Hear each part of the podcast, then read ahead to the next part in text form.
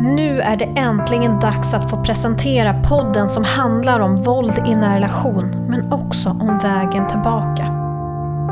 Med Stoppa våldet och vägen tillbaka vill jag framförallt skapa samtal kring våld i en relation tillsammans med er.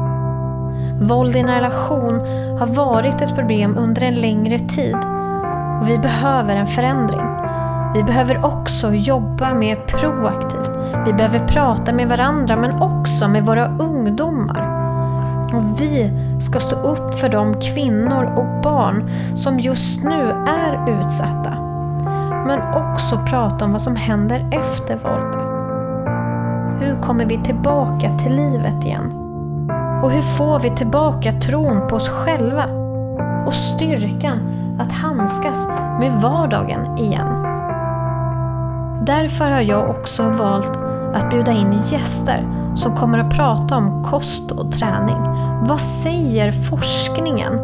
Och kan man skapa tankar som lyfter upp en igen? Jag brinner verkligen för detta ämne. Och jag har skapat den här podden genom min egen smärta. Och jag önskar och hoppas på att göra skillnad för någon därute genom att prata. Jag är ingen journalist och jag är inte heller något proffs. Utan jag är bara Kristin, en medmänniska som vill sprida kunskapen vidare. Och det gör vi genom intervjuer av våra vardagshjältar. Vi kommer också ha gäster som kommer att prata om hur det är att leva med våld i sitt egna hem. Det är dags att börja prata och säga stopp.